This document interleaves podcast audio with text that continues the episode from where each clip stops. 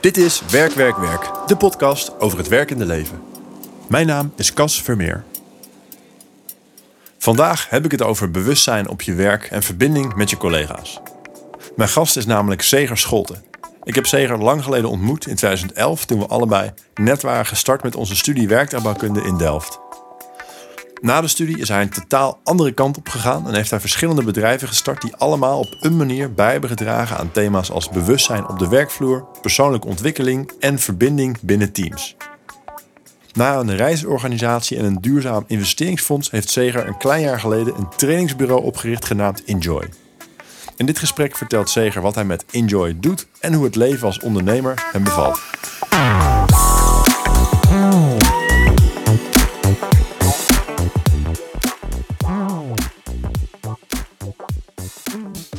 Hartstikke leuk dat je er vandaag uh, bent, uh, Seger. Het is vandaag 19 april uh, 2022. Um, wij hebben elkaar heel erg lang niet gesproken. Uh, ik ken je natuurlijk nog van de studie in Delft. Um, maar misschien is het goed om even te beginnen met het algemene begin. Zou je jezelf even kort kunnen introduceren? Ja, kort. Ja, nee, dat kan. Kort en krachtig. Kort en krachtig. Ja, ik ben uh, Zeger. Hallo alle luisteraars. Uh, dank jullie wel dat jullie vandaag meeluisteren. En um, ja, ik, um, ik ben een, een, beetje internationaal opgegroeid. Dus eerst wel in Nederland opgegroeid, maar daarna in Hongarije. Um, en eigenlijk op best wel een vroege leeftijd. En dat is ook een beetje het bruggetje naar het rest van mijn werkende leven. Best wel vroeg in mijn leven, toen ik 16 was ongeveer. Toen kwam er een vraag op of een soort van realisatie: iedereen gaat dood. Um, ik ga dood. ja, best wel heftig. Ik ga dood, mijn ouders gaan dood. Iedereen die gaat op een gegeven moment dood. En dat was een soort van, ja, best wel, dat kwam echt op één moment kwam dat gewoon binnen. En dat, eh, ik kan me nog herinneren, echt twee, drie dagen huilend s'avonds in bed gelegen. En dat heeft eigenlijk een soort van, dat, dat is een, ja, dat heeft iets afgezet, waardoor ik daarna heel erg gewoon vragen ben stellen van oké, wetend dat ik doodga en dat ik ga overlijden, hoe ga ik, hoe ga ik mijn leven uh, leven? Wat is belangrijk? Um, en dus ik ben eigenlijk heel erg met die vragen naar school gegaan, naar mijn leraren. En niemand kon me echt een uh, goed antwoord geven. En toen op een gegeven moment ben ik uh, tegen boeddhisme aangelopen. Um, en mijn vader die ging toevallig naar een boeddhistische meeting. Hij had nog nooit naar zoiets gegaan. En toen vroeg hij me last minute om mee te gaan. En voordat je het wist, zat ik in een kleine kamer ergens achterin te chanten. Namyo Rengekyo, Namyo Rengekyo. Met een soort van groep van twintig mensen. En die eerste meeting al, um, nadat je een soort van chant en mediteert, ga je eigenlijk over levensonderwerpen hebben door de boeddhistische lens. En toen gingen ze het over de dood hebben. Uh, en dat was een soort van, voor mij, een van de eerste plekken waar ik echt kon hebben over deze onderwerpen. En dat is ook wel een beetje in het begin. Ja, toen, toen ben ik daarna vier jaar ben ik echt het boeddhisme gaan volgen. Uh, en ben ik echt een beoefende boeddhist gebleven. En uh, ja, het, het is eigenlijk die, een beetje de existentiële vraag van wat doen we hier en waarom zijn we hier, die de, de rest van mijn pad heeft uh, gedetermined. Dus ik ben toen naar Delft gegaan. ja, daar met jou gestudeerd ook. Um, en eigenlijk uit een, uit een manier van, oké, kan ik natuurkunde gebruiken om een manier, uh, manier te vinden om de realiteit te beschrijven en daar dichtbij te komen. Op een gegeven moment was dat niet, was dat niet meer genoeg. En toen ben ik meer de spiritualiteit ingegaan ook. Um, en dus na mijn werktuigbouwkunde heb ik tech, uh, technology entrepreneurship gestudeerd in Londen. Um, en toen ben ik eigenlijk mijn eerste bedrijfje begonnen in persoonlijke ontwikkeling, trainings voor young professionals en studenten. Om na te denken over, hey, wat is jouw purpose hier? Waarom besta je? Waarom bestaan we allemaal hier? En hoe kunnen we dit soort, soort van levensvragen aangaan? Want dat ja, werd op, op de universiteit gewoon um, ja, niet echt over gepraat. En ja, dat was mijn eerste bedrijfje. Dat was uiteindelijk niet een soort van ja, moesten we echt 20 workshops per week doen om een winstgevend model te creëren. Dus uiteindelijk hebben, en om eigen leven in Londen te onderhouden, maar dat, dat, dat lukte dus niet. Um, en toen heel kort tijdje voor een start-up gewerkt en daarna weer mijn eigen bedrijfje begonnen. Um, en dat heette de Nomad MBA. En daar deden we eigenlijk ja, hadden we wel een model dat werkte ook. En daarin deden we drie maanden reizen voor young professionals. Uh, die door een carrière switch heen gingen. Um, ja, um, konden ze data science of UX design leren. Dus hard skills, terwijl ze heel veel persoonlijke ontwikkeling deden. Dus gingen ze gewoon drie maanden met ons mee. Deden ze meerdere workshops. Deden we meditatie retreats, bootcamps. Dus dat heb ik voor, voor drieënhalf jaar gedaan. En dan de laatste, laatste twee jaar heb ik uh, één jaar eigenlijk bij een soort van purpose-driven investor uh, ding helpen opzetten. En um, het laatste jaar ben ik begonnen met Enjoy. En daar richten we ons eigenlijk vooral op het verbinden van teams uh, binnen organisaties. Verbinden met jezelf, verbinden met je team en, en verbinden met je organisatie. Dus we doen trainingen en, en uh, experiences voor teams.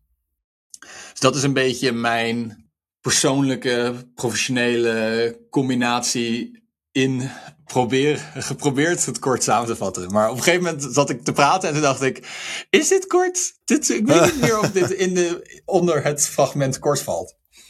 Geen enkel, geen enkel probleem, want we gaan dadelijk op een paar van die dingen nog wel wat, wat, dieper, wat dieper in.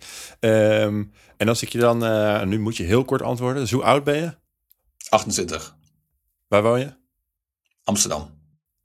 Huidige werkgever, baan is dus Enjoy. En dan ben je ook ondernemer van, toch? Een van de oprichters. Ja. Ja. En uh, nog even sidetracken. Wat was jouw alle, alle, alle, allereerste baantje waar je ooit geld mee hebt verdiend? Oeh, dat was uh, Emo Live. Dat was zo van.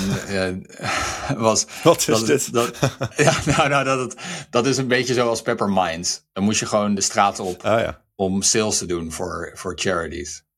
Ah, nice. Dus je moest kaart husselen toen je 15 was of 14. Hoe oud was je toen? Nou, toen was ik 18. Ah, wel wat ouder. Ja. Nice. En heb, heb je daar dan nog iets van, iets van geleerd, denk je? Ja.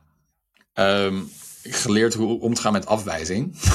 dan echt op het, het, grootste, denk ik nog. Gewoon hoe je urenlang afgewezen wordt uh, door mensen die je approached. Ja, en dat is ook wel heel veel van ondernemerschap is ook afgewezen worden. Ja, dus, ja, en van sales misschien ook wel een beetje. Ja, van sales. En ik denk dat sales wel heel erg ook samenkomt met ondernemerschap vaak.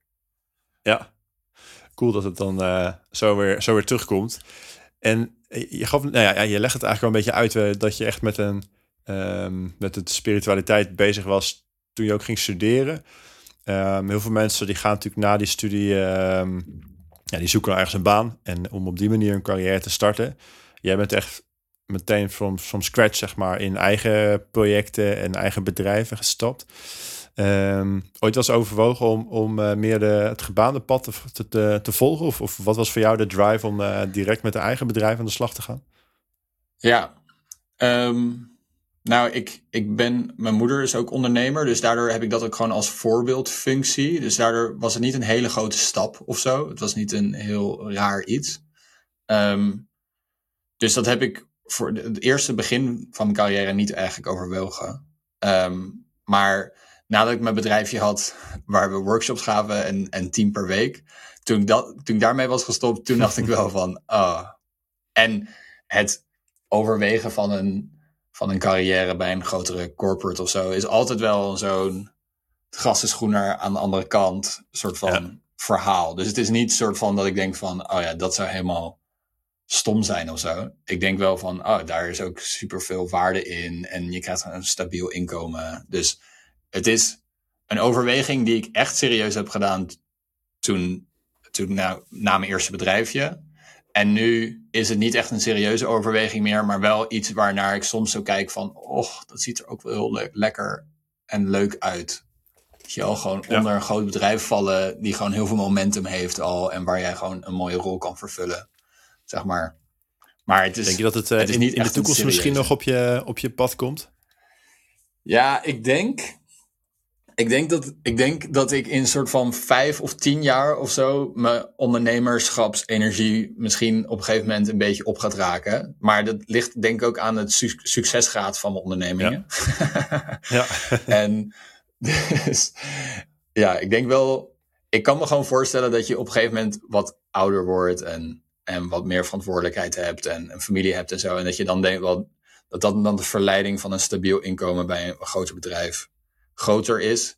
En Ja. en ja, dat het ook oprecht wel waardevol kan zijn om gewoon deel te zijn van een grote organisatie in plaats van alles zo heet het zelf zo neer te gaan moeten stampen, weet je wel. Het kost gewoon wel Ja. veel energie. Ja, ja, zeker. En wat je net zei, van dan heb je misschien meer verantwoordelijkheid. Eh, kun je schetsen hoe je leven er nu uitziet als je, dan hebt, als je denkt vanuit dat verantwoordelijkheidsperspectief? Ja. Ehm, ja, het is gewoon. Je krijgt. Het is gewoon heel erg een ervaring vanaf het begin van de onderneming. Het is van. Er gaat niks gebeuren als jij niet iets doet. Dus het is gewoon. Alles dat jij doet en alle energie die jij in stopt. Is, is het draaiwiel dat het momentum geeft van die onderneming. En dus.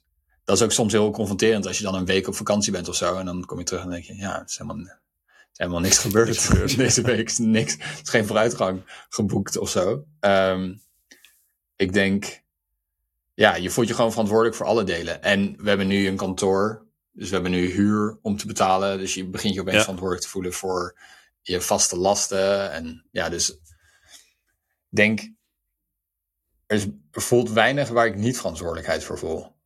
Ja, Los van dat er heel veel dingen zijn waar ik geen controle over heb. Maar er zijn zeker Ja. heel veel dingen waar ik wel... Ik voel wel verantwoordelijkheid voor het bestaan van, van het, van het bedrijf. Maar dit is vooral dan eh, voor het bedrijf. Ehm, en op een persoonlijke vlak. Want ik bedoelde, je zei net volgens mij van. Misschien als ik over vijf of tien jaar wat meer verantwoordelijkheden heb, dat ik dan ook meer behoefte zou hebben aan een stabieler Oh ja. werk of een eigen bedrijf. Ehm, dus wa- wat voor verantwoordelijkheden doe je dan op en, en, en in hoeverre heb je die dan nu minder misschien in je leven? Ja, nou, dan zou de grootste verantwoordelijkheid gewoon zijn kinderen en hun educatie en hun mogelijkheden in hun leven. Eh, Ja. Zeg maar, ik ben heel blij met mijn leven. Eh, en ik hoef eigenlijk niet per se meer geld of iets om mijn leven op dit moment te leiden. Ehm, maar ik, het lijkt me wel heel fijn om mijn kind, kinderen veel kansen te geven. En daarin speelt geld ook wel een rol. Ehm, Ja. ja. Dus dat voelt Ja, dan als verantwoordelijkheid. Dat je een overweging aangaat van... Ja, hoeveel kansrijkheid ga ik mijn kinderen geven? Ja. Hoe erg vind ik mijn eigen leefstijl prima zoals die is? Een Ja, beetje... En hoe weegt dat dan tegen je eigen vrijheid of zo? Ja, hoe weegt dat tegen je eigen vrijheid? Moeten we daar over tien jaar nog eens een keer een aflevering over maken? Wat meer Ja. ervaring mee hebben. Ja, Wel interessant. ja het lijkt me echt best wel een moeilijk af, af, afwegingsproces. Ja. Ja, ja, dat denk ik ook. Ik denk er ook wel eens over na dat je denkt van eh, nu, nu eh, omdat je nu nog geen kinderen hebt, dan kun je ook, is het heel makkelijk natuurlijk, kun je gewoon vrij vanuit je eigen behoefte denken van nou, ik ga nu Ja. iets anders doen of ik neem veel risico of ik neem weinig risico, maar je hoeft in feite, nou niet alleen maar, maar hoofdzakelijk alleen maar met jezelf rekening te houden. Ehm daar komt een moment dat dat natuurlijk eh, anders wordt. Maar goed, Ja. daar krijg je dan vast van alles, van alles moois voor terug. Daar ga ik nog Ja. eventjes vanuit. Heb, heb, heb jij een vriendin op dit moment? Ja, ja, ik woon samen en ik heb een vriendin. Ehm, maar we hebben wel Voelt een huurhuis. Voelt dat al Dus- als, als soort van iets van je vrijheid afstaan? Van je vrijheid. Ja, ik kan niet, ik, ik kan niet vrij praten nu zeker. nou, maar het is een goede vraag. Want ik had toevallig laatst wel een gesprek hierover met iemand. Ehm, die persoon waar ik mee, mee sprak, die, eh, die had eh, een vaste baan. En die was aan het nadenken over wat nieuws. Eh, maar die, zat, die zei ook wel van ja, ik wil ook niet, als ik nou heel veel risico ga nemen, ja, ik weet niet of mijn vriendin dat nou eh, zo eh, prettig vindt. Omdat ze ook samen natuurlijk plannen hadden over hun toekomst. En ze hadden huis gekocht en, en dan, ja, dan doe, je, doe je dat samen natuurlijk. Ja. Ehm, ja, mijn situatie is nog, omdat we ook een huis huren, heb je relatief financieel nog niet zo heel veel met elkaar te maken, om het zo te zeggen. En, en mijn Ja. vriendin, die, ja, die vindt het allemaal hartstikke mooi. Dus ze zegt, nou, veel plezier met je nieuwe avontuur of bedrijf of eh, succes. Ehm, Ja. Maar toen dacht ik wel van, oh ja dat, dat, ja, dat komt natuurlijk ook wel op een gegeven moment dat je daar wel eh, ja, met elkaar het ook wel eens moet zijn over die financiële toekomst bijvoorbeeld. Ja, Ja, dus dat, maar gelukkig, gelukkig je, is nu nog je even bent er al deel van. Ja. fijn. Het begint al. ja, nice. Hey, ik, ik had op jouw ehm, LinkedIn van tevoren even rondgespeurd. Dat is een van de leuke dingen van een podcast hosten. Dat je een goed excuus hebt om iemands eh, LinkedIn ehm, helemaal door te Ja. nemen. En ik zag uh, inderdaad een aantal verschillende uh, projecten. En, maar dat begon zo in 2013 met Mijn Buurt. Kun je daar eens heel kort over vertellen wat je toen hebt gedaan? Ja, onder andere niet in mijn intro... Mijn buurt, shout-out to mijn buurt. Helaas heeft niet mijn intro, niet mijn intro gemaakt. Niet maar, gered. Niet gered. Maar dat was omdat het een half jaar minor was in ondernemerschap, terwijl ik, terwijl ik die bachelor deed in werktuigbouw. En tijdens die minor waren we ook bezig met een bedrijf opzetten. Nou, dat hebben we tot een bepaald extent gedaan. Maar het was nog niet echt dat we klanten hadden en zo, weet je wel. We waren echt zo'n businessplan en ook wel met suppliers gepraat, maar geen klanten. Dus dan zet ik het wel op mijn LinkedIn, maar vind ik het nog, vind ik het nog niet intro-worthy. En nou, daar ben je weer, was je gewoon gestopt omdat de minor afliep? Of wat hadden jullie niet ja, het vertrouwen de dat je ermee af en iedereen, iedereen, het was net Ging niet een wees. serieus genoeg project. Ja. Ja, oké, oké. Helder. En, en toen eh, de Live Accelerator in de UK. Wat was dat? Ja. Ja, dat was dus dat was die business waar we echt workshops gaven voor young Ah, ja. professionals in Londen. Eh, dus dat was de eerste serieuze, iets serieuzere business waar we ook geld verdienden, zeg maar. Ja, en dat heb je ongeveer een jaar gedaan, hè? Van eh, start Ja. to finish. Ja, Cool. Ehm, daarnaast staat de Uprise Academy. ja. Is dat de Nomad MBA? Dat is de Nomad MBA rebranded. En dat, was, dat is ook wel dus mijn meest serieuze werkervaring. Dat heb ik echt 3,5 jaar gedaan. Ja, ja, het bestaat ook nog steeds, toch? Ja nou, het is door corona wel redelijk ten onder gegaan. Ja, Eh, dus eh, het volledig eh, bestaan niet echt meer, nee. Maar het bestaat nog wel in heel veel mensen's hart. hart Ja, hart- harten? mensen. Harten? Harten? Harten, harten denk ik. Ja, Harten. ja, ja, nice. Ik zag er op LinkedIn altijd wel hele toffe dingen van voorbij komen. eh, met die reizen. Het zag er best wel vet uit. Ja, Eh, dus ik hoop dat het heel nog vet. een, eh, nog een kickstart krijgt. Ehm, en daarna kwam Absolute Space nog voorbij. ja. Wat was dat? Ja, dat is een soort van pre, pre-project voor, voor, ehm, voor Enjoy. Maar dat is eigenlijk, bij toeval is dat ontstaan. Corona eh, kwam. En toen heb ik me, mijn verjaardag was net nadat corona begon. Zielig. Hè? Nee. Slechte Ehm, timing. En toen, en toen heb ik, eh, toen had ik een verjaardagfeestje georganiseerd online. En toen had ik acht facilitators gevraagd om verschillende breakout rooms te faciliteren. Vet. Eh, en dan kon je gewoon, en dan hadden we drie rondes, we hadden muziek in de algemene kamer. En dan hadden we drie rondes. En dan kon je gewoon, elke ronde kon je kiezen welke breakout room je inging. En dan was je in een klein groepje, werd je gefaciliteerd om samen te freestylen. Of om samen improv theater te doen. Of om eh, meditatie te doen samen. En toen waren daar honderd mensen of zo. En toen zeiden allemaal mensen van, oh je moet dit voor mijn bedrijf komen doen. Dus toen ja, hebben we uiteindelijk dat, heb ik dat soort van part-time voor allemaal bedrijven gedaan. eh, die dat gewoon wouden om hun werknemers te verbinden. En dat is nog steeds een product dat we ook aanbieden met Enjoy. Is deze Ja. online eh, ervaringen waar je gewoon eh, hybrid teams kan verbinden door activiteiten. Cool. Dat is echt een product van de corona-tijd dus eigenlijk. Ja, het is echt een corona-product. Een corona-product. Misschien wordt het ooit een scheldwoord. het is echt een corona-product. Ja, echt een Nice. corona-product. Maar cool, het laat wel zien dat het ook zoals kansen natuurlijk kan bieden. En ehm, vanuit Absolute Space kwam ik nog Breath of Breathe tegen op je LinkedIn. Ja, ja. Wat is dat? dat was dat, ja, daar samen met zeven anderen een ehm, ja, soort van purpose-driven investor bedrijf helpen opzetten. En daar, de, de main vraag was daar, eigenlijk, hoe kan je zo purpose-driven mogelijk bedrijven oprichten en runnen? Dus alle practices die er maar mogelijk bestaan om purpose-driven bedrijven te runnen en op te starten. En zijn ook best wel ver gegaan in hoe creëer je dan een governance systeem die echt purpose-driven is en niet uiteindelijk nog geleid wordt door één dude die gewoon keuzes maakt die niet eigenlijk voor het geheel zijn. Dus de grote vraag was, ja, hoe kan je een business echt dienend maken voor het geheel?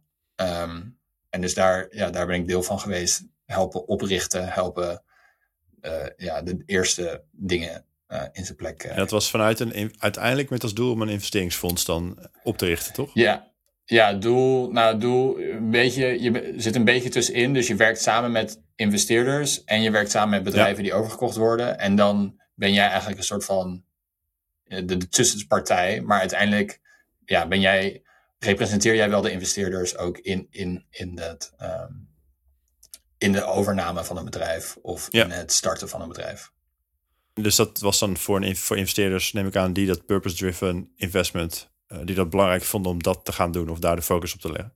Ja. En misschien nog voor de, voor de uh, minder woke luisteraar, wat is een purpose-driven bedrijf? ja, goede vraag. Um, een purpose-driven bedrijf is eigenlijk een bedrijf dat een gedefinieerde purpose heeft uh, en dat als prioriteit stelt in de keuzeprocessen. Dus um, ja, een purpose kan zijn om een bepaalde groep van de bevolking uh, te helpen. Een purpose kan zijn om iets, een bepaalde verandering teweeg te brengen. En het is dus, ja, de doelstelling van bedrijven is echt om die purpose uh, ja, realiteit te maken in de wereld. In de plaats van, wat ook heel veel bedrijven zijn, dat is ook helemaal oké, okay, uh, proberen gewoon geld verdienen. Want heel vaak is dat wel uiteindelijk een heel groot doelstelling van een bedrijf, is geld verdienen. En hier wil je het gewoon echt meer zien als een soort van uh, gezondheid uh, meting. Van je moet gewoon geld hebben om een gezond bedrijf te runnen. Maar het einddoel is niet om meer geld te verdienen. Het einddoel is om uh, meer stappen te zetten in je purpose. Ja, en dan wordt het er ook vaak de hele soort van incentive structuur van hoe moeten we laten zien uh, hoe goed we het doen en zo wordt veel meer vanuit het daglicht van die purpose bekeken. Dus je purpose is, we moeten mensen helpen. Dan ga je re reporten van we hebben zoveel mensen geholpen. In plaats van we hebben zoveel winst gemaakt deze, deze ja, maand. precies. Ja. Cool. En is het ook, uh, is er vanuit, vanuit uh, Breath ook een uh, vervolg gekomen? Wordt, wordt daar nu actief met investeerders ja, samengewerkt? Ja, dat bestaat gewoon nog. En ze hebben nu bedrijven waar ze in hebben geïnvesteerd. En het is echt een geweldige groep mensen die dat heeft opgezet, maar nu ook die dat aan het doorzetten zijn. dus dat, dat is gewoon nog helemaal levend. En uh, ja, het is echt een supergoed team ook die erachter zit. Vet. En jij, jij bent daar dan niet meer bij betrokken? Nee, ik ben er op een gegeven moment uitgestapt. Um, het, um, ja, op een gegeven moment stroomde de energie niet volledig voor mij meer in dat project. Um, het, was ook, het, was, het was natuurlijk ook allemaal heel, heel erg op een metaniveau op het begin. Um, ja.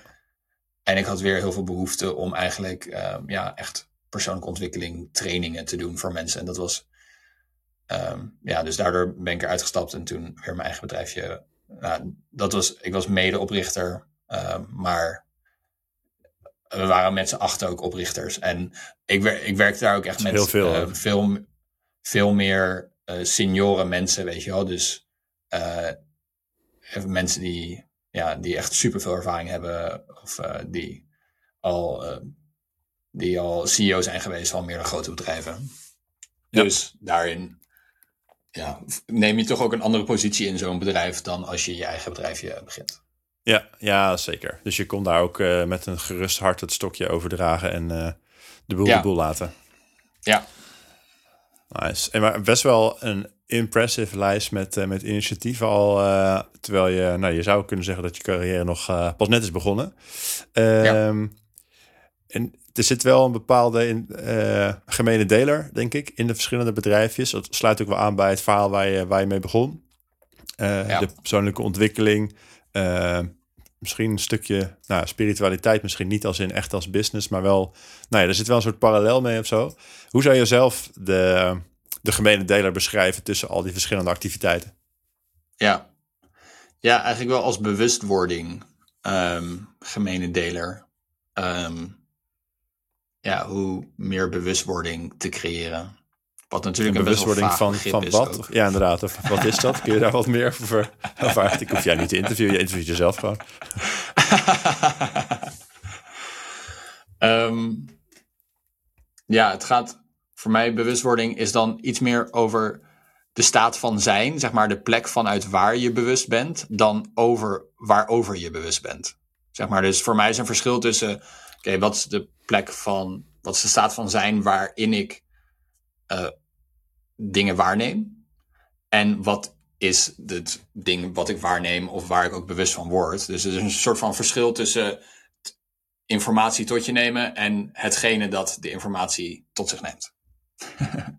Dus je bedoelt toch van het gaat meer om je bewustzijn van hoe, hoe ben je bewust van je, nou ja, van het maakt niet zo heel erg uit van wat, maar het gaat meer om hoe jij als persoon je bewustzijn ervaart en open staat voor wat om je heen gebeurt. Is dat een beetje een samenvatting? Ja, en heel simpel is gewoon hoe je in het leven staat en hoe je, hoe je dit leven ervaart. Dus ik, in mijn ervaring, hebben tools zoals meditatie en ehm, chanting of andere spirituele tools die ik, die ik heb gebruikt om voor mezelf bewustwording te creëren, hebben mij heel erg geholpen in mijn ervaring van het leven. Ehm, in dat het meer ruimte heeft gegeven om de ervaring tot me te laten. Of uh, het, het leven in een manier te uh, doorgaan die door mij als heel plezierig wordt ervaren. Vanuit een meer soort van spectator uh, rol. En ja, dus het heeft mij gewoon heel veel gebracht in hoe ik in mijn leven sta. Uh, en dat brengt me heel veel plezier. En dat, dat wil ik, ja, dat deel ik graag. Ja, dus dat is jou, voor jou de, de purpose misschien. Die, die ervaring of die ontdekking bij jezelf, om dat bij andere mensen ook te laten tot bloei te laten komen. Ja, tot zover ze daar uh, behoefte aan hebben. Dus ik ben, ik was, vroeger was ik wel echt veel meer van, uh, hey, oh, echt van, oh, iedereen moet mediteren. En waarom mediteert niet iedereen? En dan zou de wereld zo zijn, weet je wel? En nu denk ik gewoon van, nou, nee, we zijn allemaal in een proces van evolutie, gewoon als mensheid. En ik heb het gevoel dat bewustwording daarin een, een mooie mogelijkheid is. Maar dat is, ja, dat is voor, voor wie, wie daar zelf behoefte aan heeft. En het gevoel heeft van, dit dit voegt iets toe aan mijn leven. Ja. Uh, dus dat voelt helemaal een stuk minder geforceerd dan het vroeger voelde. ja, ja. ja. Oh, nice. Maar dat is dus... Je bent het meer aan het, minder aan het, aan het duwen, zeg maar misschien. En meer aan het zoeken van waar, uh, bij, wie, bij wie landt het goed. En dan kun je daarop focussen. Ja, minder een crusade aan het, um, aan het hebben hierin. Nou, dat is al een mooi stukje uh, ontwikkeling over de jaren. En eh, wat ik wel interessant vond, is, je zei het ook van, je bent natuurlijk een technische studie gaan doen. En in Delft, uh, ja, voor mij zei het net ook al, daar is eigenlijk helemaal, in ieder geval in de studie en zo, helemaal geen ruimte of heel weinig ruimte of aandacht voor ehm, bewustzijn of uh, de, die, die, zoals jij het net omschreef. Um, ja. Hoe, hoe, hoe was het dan voor jou om in die studieomgeving daar te zitten met je studievrienden uit Delft? Misschien goede toelichting, want wij kennen elkaar uit Delft, maar we hebben eigenlijk maar heel weinig samen gestudeerd of gewoon dat je elkaar zo'n beetje kent, maar verder hebben we weinig eh, leven gemeen gehad, zeg maar, in die tijd. Um, dus ik was benieuwd hoe dat voor jou was om in die omgeving met allemaal engineers die allemaal bezig zijn met feiten en rekenen en uh, hun hersenen en vaak weinig met hun hun uh, gevoel misschien een beetje uh, generaliseren ten kort door de bocht. Uh, om daar juist tussen te zitten als iemand die juist heel erg misschien bezig is met dat, met dat bewustzijn. Ja, nou, vond ik eigenlijk wel leuk. Um, ook omdat ik wel heel erg hou van wiskunde en natuurkunde. Dus ik vind dat ook een hele mooie benadering voor het leven beter begrijpen. Um, het was zeker, soms waren we dan een project aan het doen waarin je knikkers moest sorteren of zo. En dan zag ik wel dat passie echt veel hoger lag bij anderen dan dat ik bij mij lag. Dus het was ook een soort van. Het was op een gegeven moment ook duidelijk van: oh ja, nou, ik ga, ik ga niet in mijn werkend leven een engineer, worden, zeg maar. Dus dat, dat werd op een gegeven moment wel duidelijk, omdat ik gewoon zag met hoeveel passie en overtuiging mensen een knikker sorteermachine aan het maken waren. Uh, waar ik ja, het leuk vond om een paar sommetjes te doen en, en wat wiskunde en natuurkunde te doen, maar ook wel door had van, oh, dit is niet voor, de, voor het rest van mijn leven. Maar ja, het, het, ik werd ook wel in mijn studentenhuis als een rare vogel aangekeken. Ik, ik had toevallig een kamer die, die liep naar het terras van ons, van ons studentenhuis. En daar, moest, ja, daar ging iedereen chillen. En ik was daar zeg maar, op het begin voelde het echt wel awkward om dan zo in zo'n kamer, in mijn kamer te zitten. En zo was ik nog bezig met mijn boeddhistische practice. Dat ik daar zo, nou, ringen, nou, ringen. Dan kwam er, iemand, kwamen zo gasten langs met biertjes achter me zo. Hey, wat ben je aan het doen? En dan, en dan gewoon de Doorgaan. overtuiging te hebben van, ik ga gewoon door. Nou, ringen, nou, ringen, nou, ringen. Ondertussen dat mensen zo de hele tijd een beetje tussen je terras uh, en de keuken pilsjes aan het halen zijn. uh, dat was, dat had op het begin wel wat overtuiging nodig. Maar op een gegeven moment wenden mensen er ook aan. Dus. Ja, en was er ook interesse of dat mensen op een het ook wel interessant vinden wat je eigenlijk aan het doen was? Ja, ja, sommige mensen die zijn echt helemaal ook zijn er helemaal in verdiept. En dat zijn ook nog super goede vrienden van me, die ook daar heel erg mee bezig zijn geweest. En we samen ook een uh, pad hebben bewandeld in onderzoeking daarin. Ja, uh, ah, vet. Dus ja. Leuk dat, uh, dat die ruimte wel er was voor jou om dat te doen. Ja. En, en, hoe ben jij dan, want dat vond ik ook interessant, die, die opleiding die heeft je dan inhoudelijk weinig voorbereid op een, op een leven als om, om trainingen te geven in bewustzijn of boeddhisme of uh, ja. in, in, dat, dat, die regionen, zeg maar. Hoe heb jij je dan daarna verder ontwikkeld of kennis opgedaan of ervaring opgebouwd die, waar je dan nu uit kan putten um, ja. met, je, met je bedrijven? Ja. Ja, dat is vooral door, door je bedrijven gegaan. Ja, doordat ik echt drie maanden reizen organiseerde voor 30 mensen en daar mede meditatieretretes en fitnessbootcamps moest leiden, word je een beetje ingeduwd. En het was wel een beetje op de bluff ook. Uh, dus het was ook gewoon een beetje op van, we gaan het maar gewoon doen. Um, ja. En maar het, het voelt voor mij soms een bedrijfje starten. Ja, wil ik niet te kort door de bocht hier een uitspraak maken. Maar dat ja, op een jonge leeftijd een bedrijfje starten ook wel gewoon een beetje ja, niet bluffen is, maar wel een beetje een soort van gewoon gaan. En, en maar denken van ja, ik kan, ik kan hier iets toevoegen in een beperkte manier en dat ga ik maar gewoon doen. En dan zien we achteraf wel of, het, of dat is gelukt of niet. Uh, ja. En dus dat, dat is eigenlijk mijn leermeester tot nu toe geweest. Is gewoon het heel erg doen. En en met een beetje overconfidence eigenlijk erin gaan. en, en, dan, en dan kijken uh, wat er gebeurt. En dan, ja, en dan ook... openstaan voor feedback, weet je wel? En dan te ja, om ook van te oh, leren. Was dit ook echt waardevol voor mensen? Of heb ik mezelf echt... Voelde iedereen anders ook dat dit gewoon een bluff was? Ja, ja, Maar moet ik dat zo voorstellen dat jij dan bij wijze van spreken zei van nou, uh, maandagmiddag in het programma gaat Zeger een uh, cursus X of Y geven. En dat je dan daarna dacht van oeh, moet ik nog wel even zelf X en Y gaan en mezelf weer gaan verdiepen? Ja, ja. nee, dit was, dat, was, dat was een wekelijks echt. Dus toen we de, toen we de Nomad MBA waren gestart, dat toen, nou ten eerste, we waren gestart en drie maanden later begonnen onze eerste reis. En dus we zijn echt super snel van, regelen. In super snel tempo zijn we gewoon alles gaan regelen. En er zijn allemaal mensen naartoe gekomen die we niet kenden uit de hele wereld. Dat hebben we via Instagram marketing gedaan. Oh. En dus allemaal mensen die kwamen in Bali aan om drie maanden een reis met ons aan te gaan. Met drie gasten die, die ze nog nooit hebben ontmoet. Ik was toen 22, 23 of zo. Uh, en de gemiddelde leeftijd van de groep was 30. Um, ehm, en dus, en het moment dat we daar aankwamen, hadden we nog geen enkel seconde gehad om een programma überhaupt te definiëren. Dus letterlijk elke dag voordat er iets gebeurde, waren we aan het bedenken wat die volgende dag moest gebeuren.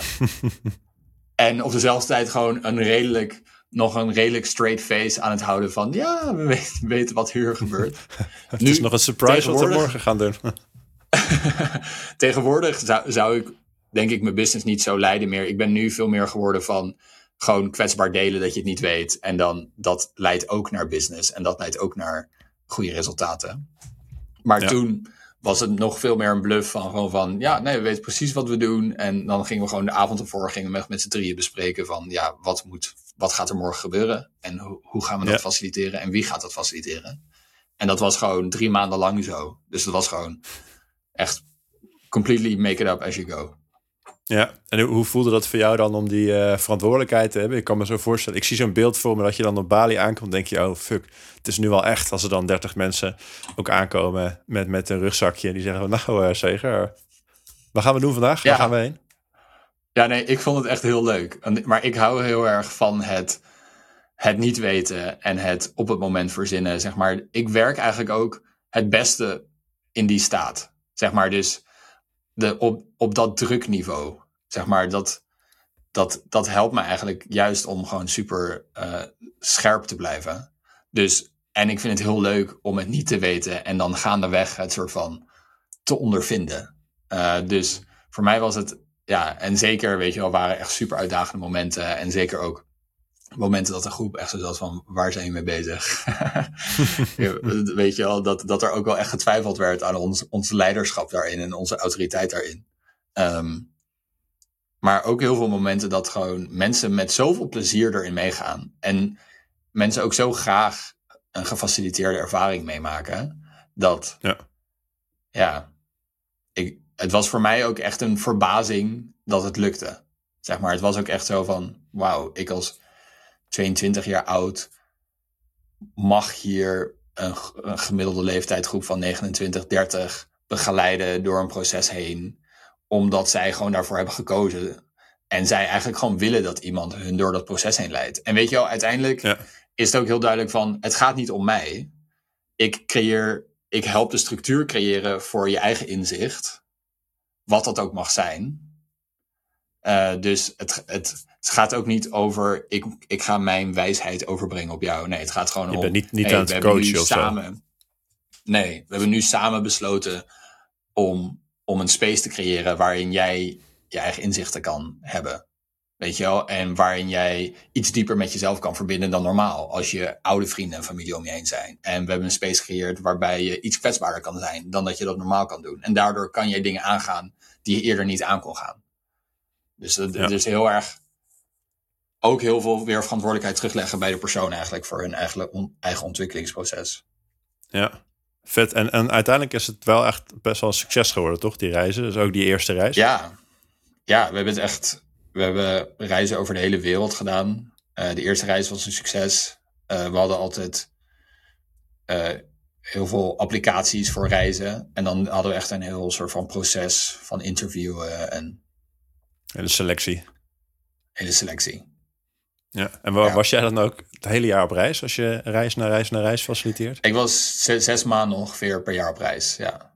ja. Dus Heftig, maar wel elke, vet. Elke keer een soort van drie maanden ertussen. En dan was ik, was ik weer sales en marketing aan het leiden. En dan ja. daarna um, was ik weer drie maanden op reis.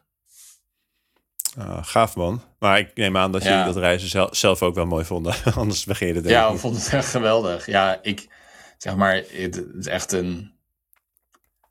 Ja, het voelt als een grote privilege om dit mee te mogen hebben gemaakt. En om zo je carrière bij wijze te mogen starten. Um, ja. dat, dat, is, dat dat ook is gelukt tot een bepaald extent. Dat, dat het gewoon is gelukt dat daar een groep mensen naartoe is gekomen. Is tot de dag van vandaag nog een soort van bizar iets voor mij. Ja, dat mensen uit de hele wereld daar naartoe zijn gekomen op vertrouwen ja. van, van ons, weet je wel. Dat, dat heeft Super zoveel vet. emotie gezet. Als je dan die eerste groep hebt, dan denk je van, oh ja, dat, dat kan. Ja, ja. Sky is daarnaast de, de sky een beetje de limit natuurlijk. Als je weet dat dit kan, dan what else? Ja. Heb jij dat op een gegeven moment met jouw eigen bedrijfje gehad? Dat je dacht van, dat er een moment was van, oh wow, dit is, er kan eigenlijk meer dan ik dacht. Goeie vraag. Um, nou, met mijn eigen bedrijf is uiteindelijk zijn we daar weer mee, mee gestopt. Ook omdat we tot de conclusie kwamen dat bepaalde dingen niet konden die we wel hadden gedacht. Ja. Um, dus zo, zolang je. Misschien hebben we niet helemaal dat punt bereikt dat je echt denkt van nou holy shit, dit gaat echt harder dan, uh, dan ik had gehoopt of zo. Of, of dan ik had durven dromen. Want nou, dat, is, dat hebben we denk ik niet, dat is niet gelukt. Um, maar uh, ja, wel, kijk, wat, wat, dat zitten ook al in kleine dingen. Dus dat begint met als je op een gegeven moment met je eigen bedrijf hebt en je hebt een soort van, in het begin ben je met z'n drieën, moet je alles zelf doen. Uh, en op een gegeven moment zit er een team en het is best wel, het voelt heel luxe als je, weet ik veel, een tandartsafspraak hebt en om tien uur dan zo'n kantoor binnenloopt en dan terwijl je denkt oh ja, dit is mijn kantoor en al deze mensen zijn nu aan het werk voor nou ja, mijn droom is misschien een beetje te kort samengevat, maar die, en, en ik heb Ja, niks ja. gedaan vandaag. En zij zijn allemaal al bezig. Dus dat gaf ook wel een beetje dat gevoel van, Ja, ja. eh, ja, dat, dat durf je in het begin misschien ook al niet echt te, te, te dromen. Ehm, dus het grotere beeld denk ik nog niet eenmaal. Maar in de kleinere dingen is het wel een herkenbaar, herkenbaar gevoel. Ja, ja. cool. Ehm, Mooi. En maar nu zijn jullie dus, uh, je zit natuurlijk niet meer bij de, de Nomad NBA, daar ben je ermee gestopt. Uh, en via, via, via uiteindelijk met Enjoy aan de slag gegaan. Uh, ja. Misschien, je hebt het straks even kort verteld, maar zou je nog eens iets dieper kunnen uitleggen van wat is het, met welk doel zijn jullie Enjoy begonnen en, en wat, wat doen jullie als bedrijf? Ja. Nou, het is wel een grappig verhaal hoe Enjoy tot start is gekomen. Um, want dat was zonder doel begonnen eigenlijk. Um, ik organiseer elk jaar met, met anderen een festival voor vrienden. En dat is een co-creatiefestival waarin iedereen iets organiseert op het festival. Dus gewoon een soort van totaal co-gecreëerd organisatieproces. En dat was vorig jaar was dat zo bizarre ervaring. Waar ik gewoon ja, om drie uur s'nachts met echt tranen in mijn ogen uh, gewoon overweldigd was door wauw, dit kan gecreëerd worden en ik kan zoveel plezier vinden in samenwerken en ik kan zoveel verbinding vinden in met, de, met, met de mensen die ik samenwerk. Dat, dat, dat was eigenlijk zo'n duidelijk gevoel dat het echt was van oké, hier moet iets voor, hier moet iets in gecreëerd worden. Ik weet niet wat, maar iets moet hierin gecreëerd worden. Um, voor dit gevoel. Om dit soort van alledaags te maken ook voor mensen in, in het werkende leven. Um, dus toen zijn we het eigenlijk het bedrijf begonnen, um, eerst met z'n tweeën, om ja, dat gevoel een vorm te vinden. Dus het, ja, misschien is dat ook wel een doel op zich. Ja. Maar dus er was helemaal geen plan. We hebben gewoon een kantoor gehuurd. En we hebben gewoon gezegd van oké, we gaan gewoon in het kantoor zitten. We gaan gewoon allemaal mensen uitnodigen om met ons te brainstormen. En we gaan gewoon in het kantoor de energie opbouwen totdat er een vorm ontstaat die wellicht waardevol kan zijn voor mensen en klanten. En dus nu zijn we wat zeven maanden verder of zo. En nu hebben we uiteindelijk ook een vorm kunnen vinden. Dus het is ook echt een gelukkig goed brainstormproces geweest, zeg maar. Dus het is ook echt een, ja, gewoon een totale onderzoeking geweest en een, en een soort van het jezelf de diepe ingooien. En nu hebben we een vorm gevonden en en die focust zich eigenlijk vooral op verbinding creëren tussen werknemers in bedrijven. En dat is verbinding met jezelf, verbinding met je team, verbinding met je organisatie. En dus wat we doen is die online ervaringen, maar ook trainingen voor teams. Dus trainingen voor teams van vier tot acht weken, waarin je in, heel erg als team samen in verbinding met jezelf gaat. Of als team heel erg samen in verbinding met je team gaat. Of als team heel erg in verbinding met je organisatie gaat. Um, ja. En we gebruiken daar eigenlijk vooral veel bewustzijn tools dan voor. Dus om ook um, wordt, ja, bijvoorbeeld bewustzijn te creëren over hey, wat is je relatie tot je teammember en wat in jou uh, zorgt voor conflict in je team.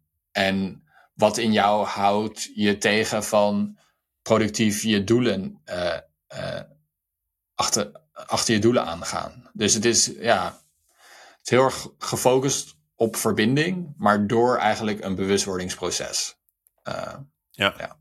Kun je eens een, een concreet voorbeeld geven van bijvoorbeeld een, een, nou ja, laten we zeggen, iets, een van de onderdelen van de training uh, die je doet en, en, en wat, wat het doel is, wat, wat een uh, medewerker daarvan opsteekt of leert?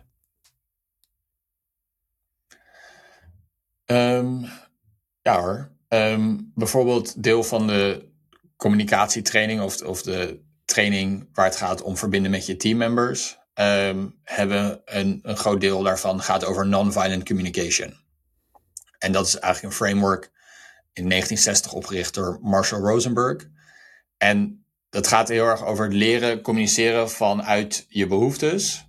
Um, en ja, het idee daarbij is, alle mensen hebben eigenlijk gemeenschappelijke behoeftes. En als je op de laag van behoeftes weet te communiceren, dan weet je elkaar altijd uh, te vinden. Um, ja. En dus het gaat eigenlijk, het deel van die training is het, het uitleggen van dat framework en dan het heel veel oefenen van hoe dat framework uh, werkt. Ja. Um, ja, zou je daar zo'n voorbeeld van kunnen geven van uh, misschien heel plat van wat is een wel-violent voorbeeld van communicatie en hoe zou je het naar een non-violent voorbeeld kunnen ombuigen? Ja, Um, Improviseren zeggen, dat heb je drie maanden lang gedaan. ja, ja, ik ga het gewoon vandaag weer doen. Ehm, nou, ehm, laten we zeggen. eh, een voorbeeld van een. Oké, wij. Ik, ik ben jouw vriendin. we gaan even een rolspel spelen tussen jou. Heel goed. Ik dus doe mij en jou als vriendin. en en eh, bijvoorbeeld, eh, ik als jouw vriendin kan zeggen: ik wil, ik wil nu dit huis kopen. Ehm, en eh, het is niet per se dat dat heel violent hoeft te zijn, weet je wel. Maar jij kan dat bijvoorbeeld niet begrijpen. Van oké, waarom, waarom wil je dit huis kopen? Weet je wel? En dan kan ze zeggen: hoezo begrijp je me niet? Hoezo begrijp je niet dat ik dit huis wil kopen? Weet je wel? En dan eigenlijk praat je langs elkaar heen. En dus een voorbeeld van een non-violent communication is dat zij zegt: Ik wil dit huis kopen omdat ik heel erg een behoefte heb aan veiligheid. Ehm, en daarin is mijn request aan jou of jij dat huis met mij mee wil kopen. Ehm, maar door, door eigenlijk te zakken naar de behoefte van veiligheid, kan je meer begrijpen waar zij vandaan komt. En door meer te Ja. begrijpen waar zij vandaan komt, kan je ook creatief omgaan met de situatie en nadenken van, oké, wat zijn nog meer dingen die jou veiligheid bieden? En hoe kunnen wij in onze relatie jou de veiligheid bieden die je nodig hebt? Ja. Ja. Eh, dus door ja, eigenlijk te communiceren op dat level van behoefte, kan je ook creatiever samen omgaan met, met hoe mensen's behoeften kunnen ja, voorzien kunnen worden. Ja, en in die, het voorbeeld wat je net gaf is ook dat de eerste zin, daar zit dus eigenlijk een behoefte en een verzoek soort van door elkaar heen vermengeld, zodat je niet meer ze los van elkaar kan zien. En de non-violent versie had je het een soort van uit elkaar getrokken van dit is de behoefte en dit is de request, een soort Ja. van los van elkaar. Is dat ook een, een Ja. standaard strategie die je dan kan toepassen? Ja, de standaard ding van non-violent communication is dat je dus een dat je je behoeftes deelt, en maar eigenlijk niet die op andere mensen forceert. Dus daar, daardoor eigenlijk ook ehm, een request eh, vraagt van de andere persoon, waar je oprecht in openheid kijk, eh, openheid open staat voor een ja of nee erin, waardoor je eh, ook die andere persoons behoeftes respecteert, maar door ook weer ruimte maakt voor. We kunnen ook creatief nagaan, omgaan met deze situatie. Dus het is niet zo van jij moet dit doen of anders gaat het niet werken. Het is een. Dit is mijn behoefte. Dit zou een mogelijke oplossing kunnen zijn voor mijn behoefte. Maar we kunnen ook Ja. nadenken over andere oplossingen. Ja. ja, dus je geeft de ander ook de, de voldoende context om eigenlijk mee te denken in jouw, eh, Ja. hoe je je behoefte kan inwilligen op een manier. Nou, Ja. nou, dat is een mo- En mooi voorbeeld. Ehm, ja, sorry, ga verder. Ja, nou, en, je, en, en het is ook gewoon het heel erg het trainen van het empathisch vermogen om ook te, echt te begrijpen waar die ander, weet je wel, het is aan de ene kant het leren communiceren, maar het is ook het- aan de andere kant het leren ontvangen en het leren echt begrijpen waar die andere persoon vandaan komt. En weet je wel, jij, als ik het heb over veiligheid, kan jij daarmee verbinden? Kan jij ook uit empathie daarmee verbinden? En dus daardoor ontstaat er ook ruimte bij jou om op, op een goede oplossingen te, te vinden samen. Ja, dus dat empathieontwikkeling is ook onderdeel van het trainingsprogramma, zeg maar. Ja, Cool. En een ander ding wat jij, ja, wat je tegen me had gezegd in de voorbereiding was het zogenaamde systemisch werk. Ehm, dat jullie Ja. dat ook veel doen. Wat, wat, wat, is dat? ja nou, ik heb net een, een, een jaaropleiding hierin gevolgd. Ehm, en dat is eigenlijk in familieopstellingen. En je kan ook organisatieopstellingen doen. Ehm, en systemisch werk, ja, dat is eigenlijk eerst begonnen door Bert Hellinger, een Duitser. Heeft lang eh, met de Zulus in Zuid-Afrika gewerkt. En eh, ja, de basis daarvan is eigenlijk eh, dat er ehm, eh, onderliggende patronen zijn in systemen die we niet zien, maar die wel dergelijk heel veel beïnvloeden. En dus de vraag daarbij is, hoe kunnen we die onbewuste patronen of dynamieken die er bestaan in systemen, in familiesystemen of in organisatiesystemen, hoe kunnen we daar bewustwording om creëren door het eigenlijk het eh, impliciete expliciet, ex- expliciet te maken. Ehm, Ja. En het zijn heel vaak, weet je wel, ja, eh, verbanden die je voelt, maar net niet echt besproken worden. Of weet je wel, eh, dingen die eigenlijk heel veel betekenen, maar eigenlijk, eh, ja, eigenlijk niet, ehm, niet zichtbaar zijn. Ja, en kun je een voorbeeld geven van hoe, je, hoe jullie die dan zichtbaar maken of expliciet maken?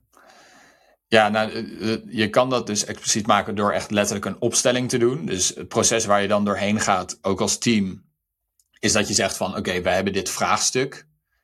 Ehm, zeg een, ehm, een boer die heeft een vraagstuk over hoe die, hoe die uh, hoe die zijn land verder moet ontwikkelen en hoe die daarin met de gemeente samen moet werken. Je kan dat letterlijk expliciet maken door dan een opstelling te doen en dan te zeggen: oké, nou deze representant uh, representeert de boer, deze de overheid, deze de, uh, de, het land, deze de dieren, deze. Dus je kan zo met representanten werken om te kijken. En dan kan je ze zelf gaan plaatsen tegenover elkaar. Je bedoelt dus dat je een soort, soort poppetjes neerzet op een soort veld. Zo ja, je, een kan, zien dan. je kan het dus in heel veel verschillende manieren doen. Je kan het doen of gewoon door items te gebruiken en die neer te zetten. Maar je kan het ook met mensen doen, dat mensen representeren.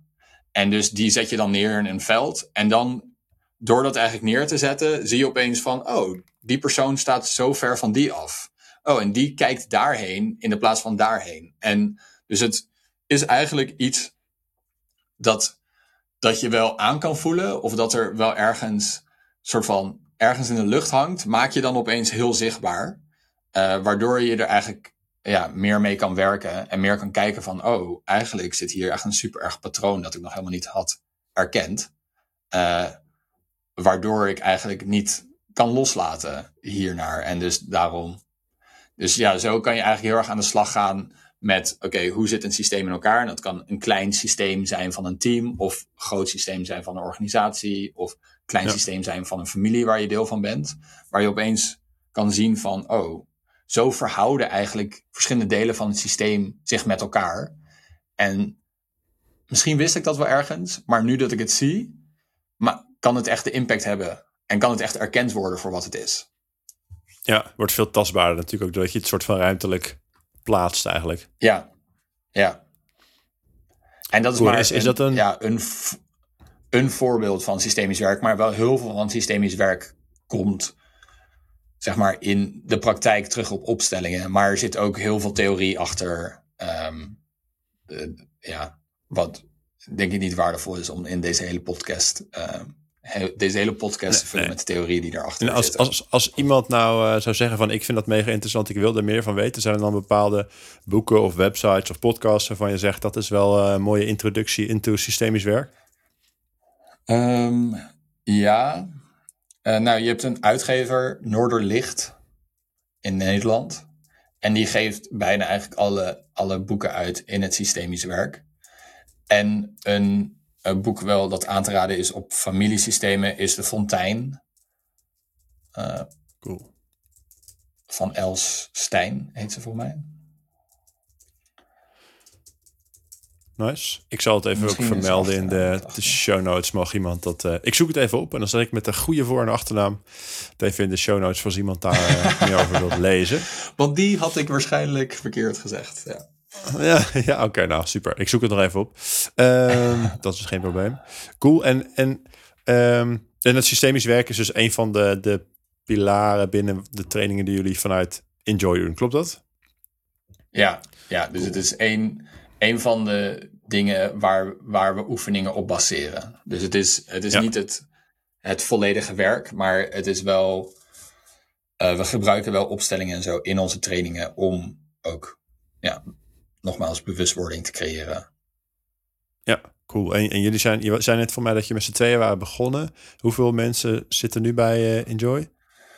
Ja, we zitten nu met z'n vieren hier um, op het kantoor. En uh, we zitten met z'n vieren fulltime in principe. Nou, je bent natuurlijk pas zeven maanden bezig, dus het is al dat uh, een verdubbeling in zeven maanden, dat ze zo doorgaat, dan, uh, dan wordt het nog flink groot straks.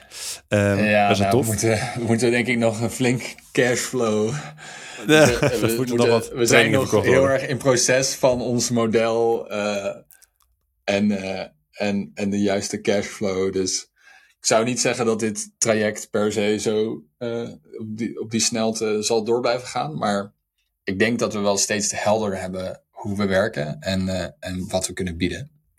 Dus het zal wel, het zal wel in een goede pace blijven groeien, denk ik. Cool. Dus jullie zijn echt nog een beetje, of nou een beetje, maar nog best wel veel bezig met het, het vinden van de, de ideale vorm uiteindelijk voor uh, Enjoy. Ja, zeker. Cool. En dat is natuurlijk ook een van jouw verantwoordelijkheden als ondernemer, kan ik me voorstellen. Um, om, om die brug ook te slaan. Want ik was al benieuwd of je ons een beetje mee kan nemen naar hoe een, een dag voor jou uh, eruit ziet. Als enerzijds als ondernemer en als, als teamlid binnen, binnen, binnen Enjoy. Ja. En mijn dag is relatief ongepland. Um, dus het kan best vaak zijn dat ik gewoon hier aankom en dan gewoon kijk wat ik ga doen. Um, maar ja, mijn dag, om, een, ja, om het gewoon de hele, hele basic uh, aanpak uh, te pakken, is gewoon kom hier om uh, rond 9 uur aan of zo. Dan kijk ik op een scrumboard welke dingen ik, ik heb bepaald om deze week te doen. Dan ga ik een paar to-do'tjes afwerken. Van dingen van, ah ja, ik wil, moet dit nog doen, ik wil dit nog doen deze week. En dat is meestal e-mails sturen of sales decks maken of uh, CRM updaten. Dus, dat soort hele praktische dingen. Best wel marketing vaak heeft men best wel marketinggericht. Ja, dat is ook wel gewoon echt het stadium van ons bedrijf op dit moment. Gewoon nog, nog veel. Het gaat nog om veel klanten eigenlijk. Um, ja, partnerships aangaan met klanten. En um, ja, en ik heb bijna ook altijd wel een koffie gepland met iemand die dan rele relevant is aan onze business. Of iemand waar ik mee wil spreken omdat het een mogelijk goede klant zou kunnen zijn. Of iemand die uh, kennis heeft ergens over, uh, waardoor ik mijn kennis kan verbreden over hoe wij het beste trainingen kunnen doen, bijvoorbeeld. Um, dus meestal zit er ook wel een koffietje in. Dan hebben we hier lunch met het hele team elke dag. Dat is heel gezellig. Um, en dan ja, is het misschien een uur ergens brainstormen over uh, hoe we precies een storyline uh, opbouwen of hoe we precies een product uh, willen neerzetten. En dan is het de rest van de dag gewoon nog to-do'tjes. Ja. To-do'tjes kan een negatieve connotatie hebben, maar het heeft voor mij een positieve connotatie. to-do'tjes ja, gewoon focuswerk of zo. Van, ja, gefocust werk doen. Ja, gewoon zelf, zelf even echt wat doen. ja. En dan meestal eindig ik mijn dag rond 6, 7 of zo. Maar ja ik heb vroeger echt, heb ik echt keihard in mijn ondernemingen gewerkt. Maar te hard dat ik denk ik een beetje over mijn eigen, ja, dat het niet per se productief meer was. Dus ik probeer, ik ben nu een stuk meer levend werkbalans aan het onderhouden. Ja, en dat is denk ik bij ondernemers uh, in de regel vinden dat denk ik ingewikkelder, omdat je misschien uh, ja, meer met je werk bezig bent dan gemiddeld. Of dat, dat zou in ieder geval kunnen. Maar wat, hoe, ja. hoe doe jij dat dan? Je zegt natuurlijk net, ik stop meestal om zes of zeven uur wel met werken. Maar goed, in je hoofd kan het werk natuurlijk nog lekker doorgaan als, dat, uh, als je dat niet een soort van uitzet. Hoe, hoe, wat ja. voor manieren probeer jij dan die uh, werk-life balans op te zoeken? Ja, door gewoon s'avonds met mensen af te spreken of gewoon echt tijd te maken voor mezelf. Ik denk het super moeilijke aan een onderneming hebben is, je kan gewoon altijd meer doen. En het ja. vergroot ook altijd ergens je kans om meer succesvol te worden of het bedrijfje te laten werken, weet je wel? Los van hoe jij succes, succes definieert. Gewoon op het begin van de onderneming is gewoon nog de vraag van, ga je dit overleven? Ga je een model vinden dat uiteindelijk overleving vatbaar is? zeg ja. maar, en dat is ook Weet je wel, dat zal voor ons het komende jaar ook sowieso nog van vraagstuk zijn. Um, en ja, dus daardoor, dat is, dat is gewoon een hele tricky iets om mee om te gaan. Want je kan gewoon altijd meer doen. Er is gewoon nooit, ja. je kan altijd meer doen, weet je wel. Dus het eindigt nooit. Um, maar ja, ik, nee, ik denk ik denk dat ik meer rust heb gevonden in mijn eigen leven, waardoor ik merk dat best wel makkelijk als ik, als ik hier wegloop, denk van, nou, oh, ik heb zoveel gedaan als ik vandaag kon.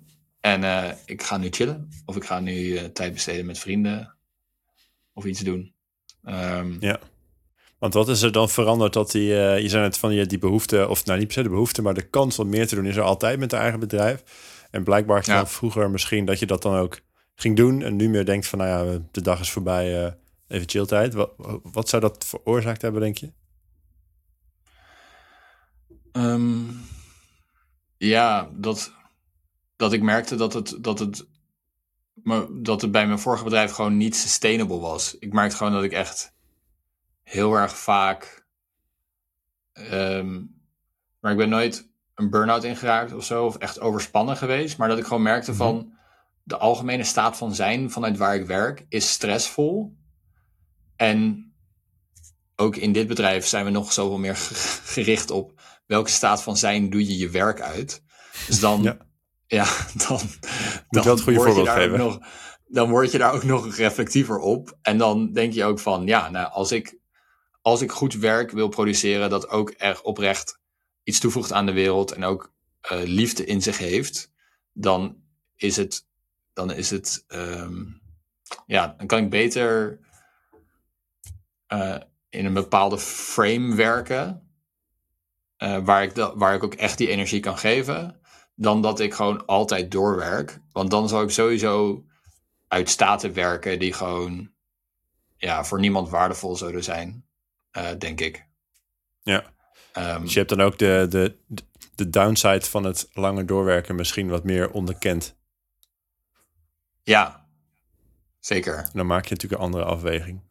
Nou, wel, klinkt ja. wel als een, een mooie inzicht wat uh, ook wel helpt om die gezonde balans uh, te vinden.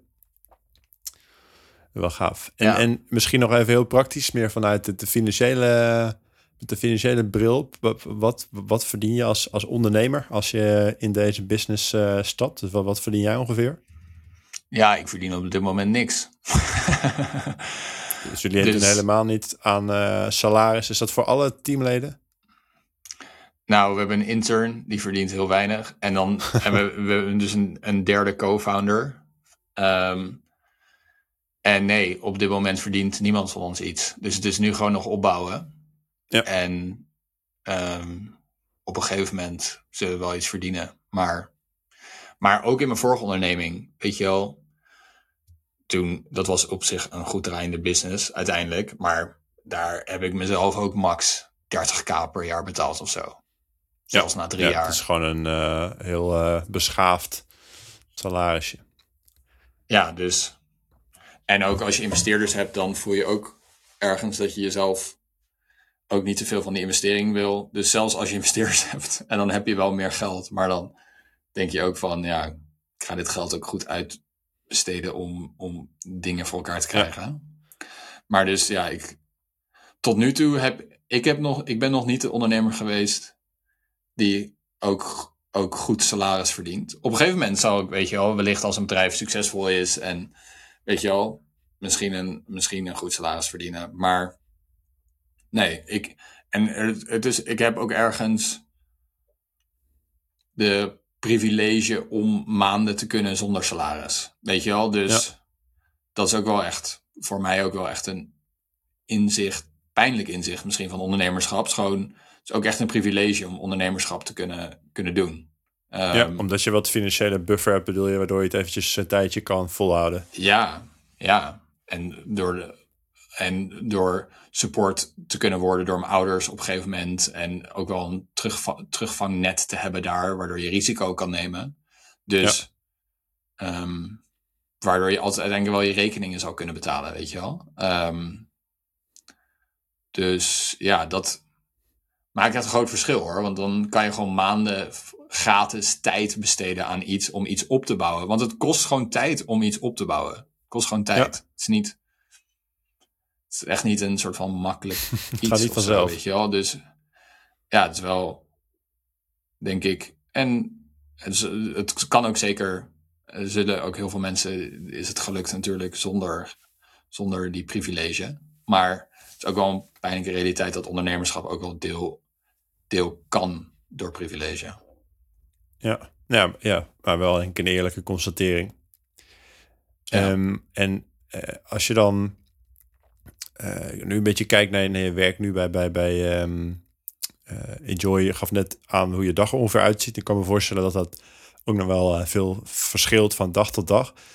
Wat, wat zijn nou, als je een beetje terugblikt op jouw werkweken, de echt de allerleukste dagen? Of met wat voor activiteiten zijn die gevuld, waardoor je denkt van, dat was echt een topdag voor mij? Ja, goeie. Ja, ik moet zeggen, op dit moment is echt bijna elke dag echt een topdag. maar dat is echt omdat het, dat ligt echt aan het team waar ik nu mee samenwerk.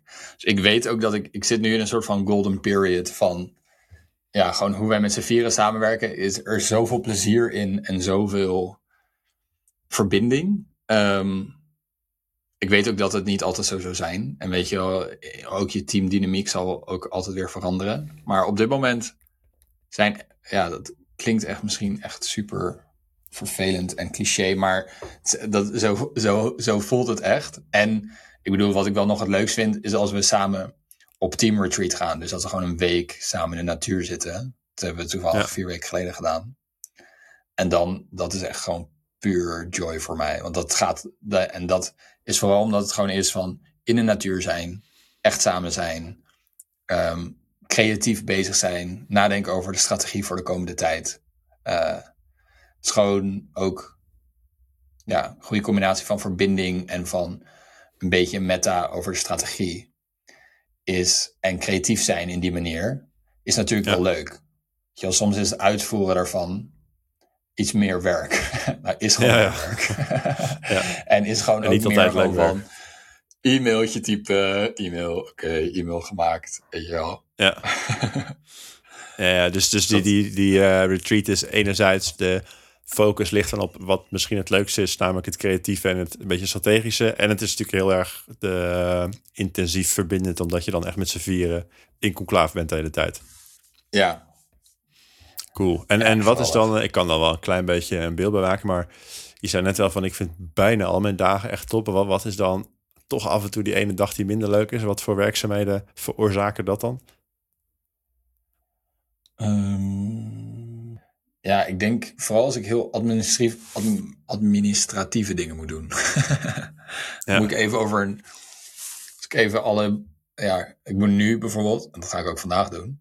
Kwart, uh, Q1 ga ik even de, de BTW uh, eh, omzetbelasting voor doen. Ja. Ben ik gewoon Daar wordt twee uur bezig met, van. met bonnetjes. Ben ik gewoon twee uur bezig bonnetjes, naampjes te geven. maar maar ja, ik, ja het, het, het, is, het, is niet, het is niet de leukste taak. Nee. Nee, maar als ik goed begrijp, is het niet dat je zegt van ik heb dan echt een rotdag. Ik denk meer als, als er echt een opportunity was om bijvoorbeeld met een cliënt samen te werken en dat, en dat gaat niet door. Dat is meer een baaldag dan als ik even wat accounting moet doen. Weet je wel? Dus het is meer een baaldag als je een of andere potentie had gevoeld. En die potentie die komt gewoon niet tot uiting. En dan denk je, oh, dan, dat, is, dat is eigenlijk de dagen waar ik het meest baal. Ja, dus jouw, jouw mood of zo, of jouw, uh, hoe zeg je dat, uh, gevoel bij een dag hangt ook wel, hangt ook samen misschien een beetje met het bedrijf, soort van succes of zo. Dat je dan graag wilt voor Enjoy dat dat een succes wordt of een kans met een klant. En als dat niet doorgaat, dan impact dat ook echt jouw, uh, jouw welzijn op dat moment. Ja, en het impact ook je vertrouwen, weet je wel. En vertrouwen is ook wel, ligt ook wel heel dichtbij levenskwaliteit of hoe levenservaring of zo, weet je wel. Als je een beetje onzeker met weinig vertrouwen in het leven staat, dat beïnvloedt zoveel van hoe je voelt. Want dan ga je alles in twijfel trekken. Dus dat is, ja. dat is, denk ik, de vertrouwen is daar wel echt een heel groot heel groot deel van. En hoe, want ik kan me voorstellen bij Enjoy dat dat ook, eh, of eigenlijk bij elk nieuw bedrijf is dat vertrouwen ook een iets wat natuurlijk fluctueert. En dat is ook als ondernemer moet je ook wel kritisch blijven. Dus je moet ook uh, zeg maar kunnen zeggen, nou, dit is misschien niet zo'n goed idee of zo.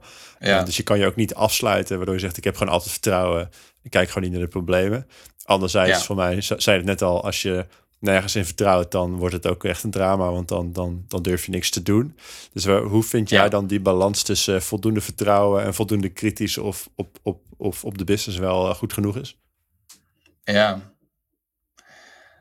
Nou, het helpt, het helpt me vooral om dingen niet persoonlijk te nemen. Dat is wel de grootste uitdaging erin.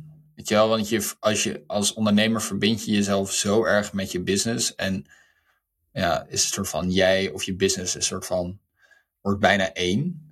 En dan kunnen dingen heel persoonlijk worden. Dus dan kan feedback opeens zo zijn van oeh, dit, is, dit tast mijn ego aan. Jij bent nu gewoon mij aan het beledigen, weet je wel? En zeg maar, om dan even een moment te nemen van, nee, het gaat niet om jou en het is niet jij. Dit onderneming is gewoon een verlengstuk. Het is, niet een verleng, het is ook niet een verlengstuk compleet van jou. Het is gewoon iets dat je in de wereld wil zetten. En dat moet in samenwerking met andere mensen of met klanten. Ehm, ja, dus dat, eh, voor mij gaat het vooral om bewust worden wanneer ik iets echt persoonlijk aan het uh, interpreteren ben. Ehm, en verder helpt het heel erg om met, met andere mensen samen te werken. Want dan kan je vertrouwenscyclus een beetje zo omwisselen. Weet je wel? Dan kan je de ene ja, minder in de vertrouwen zitten. En dan kan die persoon wel in de vertrouwen zitten. En, want ik heb het gevoel dat je kan nog steeds in heel veel vertrouwen eigenlijk heel veel feedback aan. Het gaat meer, je kan het eigenlijk niet aan als je het heel persoonlijk neemt. Maar vertrouwen en feedback zijn soort van voelen niet twee kanten van één munt of zo. Het, is meer van ze kunnen ze zijn eigenlijk kunnen samen heel goed gaan. Ja. Uh, ja, het is natuurlijk juist als je sterk vertrouwen hebt dat je misschien ook meer feedback kan handelen en daar meer open voor staat dan wanneer je ja. zelf ook aan het beetje aan het twijfelen bent en ja, op een gegeven moment wordt dan alles een soort, wordt elke, elk feedbackpuntje wordt een reden om te zeggen van oké, dan, dan stoppen we er maar helemaal mee of zo. En ja, vanuit die mindset kom je gewoon echt niet verder natuurlijk. Ja, ja, precies. En ik vind het leuk wat je zei van de, dat je met, met elkaar, met, met je collega's of, of co-founders op een andere. ga je allemaal een beetje door een soort pieken en dalen van vertrouwen. Maar zolang die dan niet precies tegelijk lopen, dan help je elkaar een beetje naar een soort van gezond gemiddelde. Ja.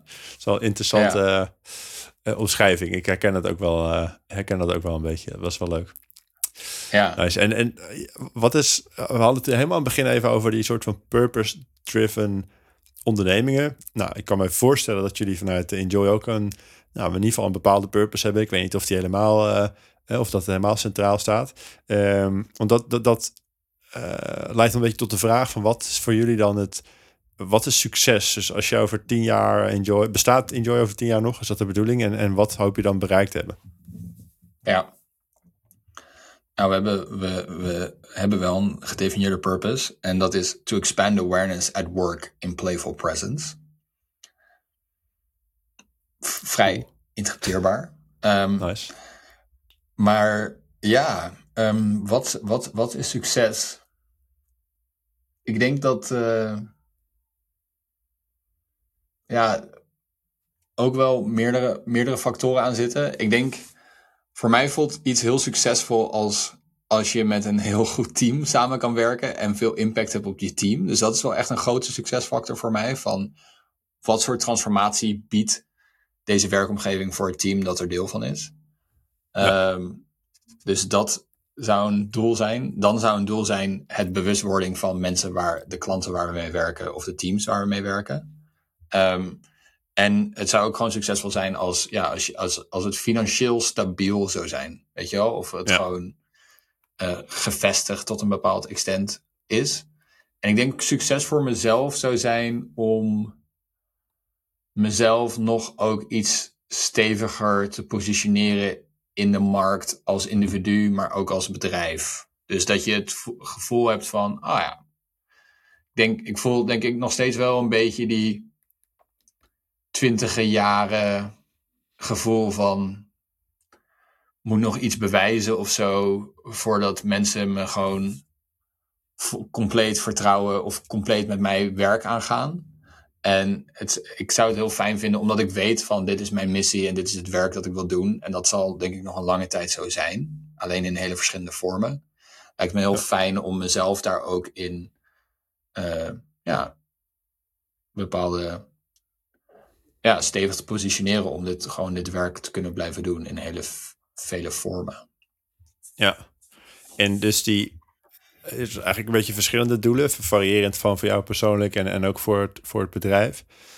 Um, zit, speelt schaal daar een soort rol in ergens of niet echt voor Enjoy? Dus moet je over tien jaar ook heel groot zijn?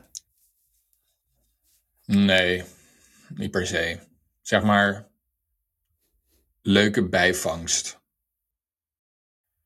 Ik, ik zou het wel fijn vinden om een bepaalde schaalbaarheid te creëren in de organisatie. Maar dat is meer om met meer mensen te kunnen samenwerken en echt een organisatie te kunnen opbouwen. Dan dat je een soort van heel klein paar man trainingsinstituutje blijft. Want dan blijf je toch meer een soort van individuen. En ik vind het wel heel leuk om echt een organisatie te hebben. Waar je echt met meerdere mensen ergens aan werkt. Aan een gemeenschappelijke purpose.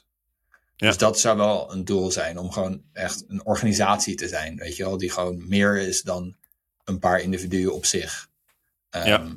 Maar dat hoeft niet voor mij gigantisch te zijn. De schaalbaarheid is, meer belangrijk om een soort van financiële rende, uh, soort van financieel stabiel model te krijgen dan dat het is om soort van gigantisch groot te zijn of zo. Ja, en heeft het, het kan ook een impact op je, een impact op je impact hebben natuurlijk, omdat je als je een bepaalde schaal hebt, dan kun je meer mensen helpen misschien dan wanneer jullie uh, klein blijven. Ja, denk het wel.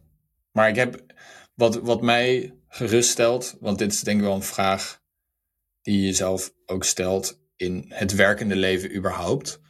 Wat mij wel geruststelt is een soort van idee dat ik heb over impact. Dat of je kan gewoon heel gericht impact maken, of je kan heel breed impact maken. Dus, en dat is ook een soort van. Dus de meer mensen je impact op maakt, de minder. En de minder mensen je impact je op maakt, de meer.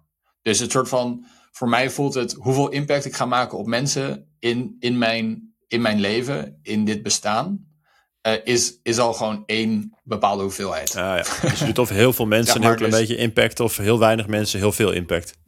Ja, dus mijn en mensen maal impact, impact blijft een beetje gelijk. Ja, en mijn impact coëfficiënt op deze wereld is al soort van. Is al, Toch weer die, uh, al, die engineering approach. is, al gewoon, is al gewoon bepaald. Dus daardoor hoeft het niet super groot. Het hoeft, en het hoeft ook niet super klein. Maar het, het maakt ook niet uit. Want de impact blijft gewoon hetzelfde. Ja, cool. Dat is wel een, een mooie manier om, daar, om daarover na te denken. Um, en als je dan even echt naar jezelf kijkt, dus, dus uh, vanuit Enjoy gaf je net een beetje aan wat de doelen zijn over tien jaar. Um, als je nou naar, naar Zegen kijkt over tien jaar, dus dan ben je 38, is de bedoeling. Um, wat zou je eens kunnen schetsen waar je, waar je hoopt dat je dan uh, staat in het leven? Ja, ho ik hoop uh, nog gelukkiger. um, maar meer vanuit een soort van bewustwordingsproces. meer een soort van als thought leader uh, dat, dat leek me wel nog een cool idee. Een soort van als thought leader een beetje over de wereld te reizen en, en, en, en, en in zo'n manier uh, ja, op verschillende plekken te zijn en met verschillende groepen mensen. Dus uh, wat, ik, wat me wel vet lijkt is om op verschillende plekken in de wereld te faciliteren en daar een beetje groepsprocessen helpen te begeleiden. En dat zou op grote schaal kunnen zijn of op kleine schaal. Maar dat. Ja. Ik denk dat je daarvoor heb je een bepaalde. Ja. Het zou kunnen zijn thought leadership nodig, maar het zou ook kunnen zijn een bepaalde diepte in je facilitatie. Uh, een bepaalde ja, holding space die je hebt in je faciliteren, waardoor, waardoor mensen daarop aangetrokken zijn.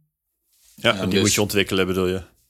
En die moet je ontwikkelen. En die ben ik al de laatste paar jaar aan het ontwikkelen. Maar ik weet ook dat dat nog veel dieper kan gaan. En ik weet ook dat ja. Uh, dat een hele, heel waardevolle skill is om nog verder te ontwikkelen. Ook al is die echt totaal niet tastbaar. Um, wel echt een hele waardevolle skill is. En um, ja, lijkt me heel mooi om met die skill uh, ja, waarde toe te voegen aan mensen in deze wereld. Nice. En, en ja. dit, was, dit was tien jaar vooruit, maar als we nou hypothetisch ook terug konden reizen en je zou die, die ervaring van, van de afgelopen, al die bedrijven die je hebt gehad en wat je hebt geleerd binnen die, die ervaringen, als je dat nou eh, mee zou kunnen geven en je zou jezelf, bijvoorbeeld je, wat is het, 18, 19-jarige zelf, uh, of misschien iets later, jezelf aan het einde van de studie, toen je eigenlijk begon met, met, met uh, gaan werken, als je jezelf dan nog iets Ja. mee zou kunnen geven van een advies, wat, wat, wat, wat zou dat dan zijn? Ja, ik denk, ik heb hier deze vraag al vaker ook eh, voor mezelf over nagedacht. En hij komt bijna altijd neer op, maak je niet zoveel zorgen. Daar komt hij bijna altijd op neer. Eh, het antwoord op die vraag. Zo van, maak je niet zoveel zorgen, het komt goed. Weet je, het komt altijd goed. Komt hoe dan ook goed. En dat voel ik ook nu wel steeds meer in mijn leven. Ik denk ook dat mijn vijf, tien jaar oudere zelf het nu ook weer aan mij zou wensen. Ja, ja. Kom wel goed, weet je wel. Maak je niet zoveel zorgen. Het leven, Steeds het iets leven leeft stress. gewoon en het, en, het, en het gaat gewoon. En, en het, het, dat, het komt hoe dan ook goed. En je mag er gewoon in vertrouwen. Ik heb toevallig Ja. ook een video opgenomen op die tijd. En die hebben, eh, heb ik met een vriendengroep gedaan. Precies met deze vragen. En die moeten we nog Oh, terugkijken. Dus dat was van zes jaar geleden of zo. En nog niemand Ah, heeft vet. het gezien. En we moeten nog samenkomen om die video's weer te zien. We hadden afgesproken om dat En- na vijf, zes jaar te doen. Oh, wauw. Wat gaaf, man. Ja, daar ben ik Ja. wel, ja, daar kun je natuurlijk nu nog niks over vertellen. Ik ben heel benieuwd wat daar, wat daar uitkomt. Ja, ik ook. Ik ben ook heel benieuwd. En jouw vraag die doet me weer denken aan dat we weer die, die samenkomst tussen die vrienden moeten organiseren om, om die filmpjes te gaan kijken. Heel gaaf. Nou, ik, dat, ik voel me vereerd dat ik dat eh, dan eh, met deze vraag heb kunnen bewerkstelligen. Ehm, ja, Eh, Voor nou, eh, Zeger, ik, ik wil je graag heel erg bedanken voor het delen van jouw nou ja, verhaal. En ook denk ik het bieden van een perspectief op eh, juist onderwerpen als bewustzijn en, en hoe je ehm, nou, in touch bent met, met medewerkers, met communicatie en, en binnen het werk. Ehm, ik persoonlijk geloof ik heel erg dat het heel belangrijk is om, ehm, om eh, dat het veel toevoegt aan je werkende leven als je daar een beetje bewust van bent. Daar begint het mee en hoe diep iedereen daarin gaat, dat zal dan misschien van persoon tot persoon een beetje verschillen. Ehm, tot slot, ehm, mochten mensen jou nog meer willen vragen of hier meer willen weten, ze jij natuurlijk op LinkedIn even opzoeken. Zeger Scholten. Ja. Ehm, op Instagram enjoy.work, als ik het goed zeg. En op de website www.enjoy.work. Ehm, en mocht je nou tot slot ook niet genoeg krijgen van Zeger's stem, zijn er ook podcasts te luisteren. De Alive podcast en Creationary Feels. Allebei volgens mij op Spotify en iTunes gewoon te vinden. Als ik dat goed zeg, yes. Ehm, yes. ja, en voor nu eh, nogmaals bedankt. Ik vond het echt super leuk om weer een beetje even bij te kletsen en te horen wat je allemaal doet. Ehm, en eh, nou, ik hoop je eh, over een paar jaar gewoon weer te spreken. En eh, dan gaan we dit nog eens even eh, mooi opnieuw doen. Ja, cool. En dankjewel ook dat ik hierbij kon zijn. En wat ik heel vet vind, is dat je echt kijkt naar hoe je iets meer ehm, echt kan kijken naar wat soort werk je doet. Weet je wel, zonder het soort van al te pretty plaatje dat we altijd eh, met elkaar delen op Instagram. Gewoon echt eh, te kijken naar, hey, wat, wat gebeurt hier? En hoe is dat voor jou? Bedankt voor het luisteren naar deze aflevering van Werk, Werk, Werk. De podcast over het werkende leven. Op de website werkwerkwerkpodcast.nl vind je een samenvatting en links naar bronnen uit dit gesprek. Ook kun je je daar aanmelden voor de nieuwsbrief, zodat je nooit een aflevering hoeft te missen. Daarnaast hoor ik heel graag wat je van deze aflevering vindt en wie ik nog meer zou moeten spreken. Laat het me weten in een review in je favoriete podcast-app of stuur een berichtje via de website werkwerkwerkpodcast.nl. Dankjewel.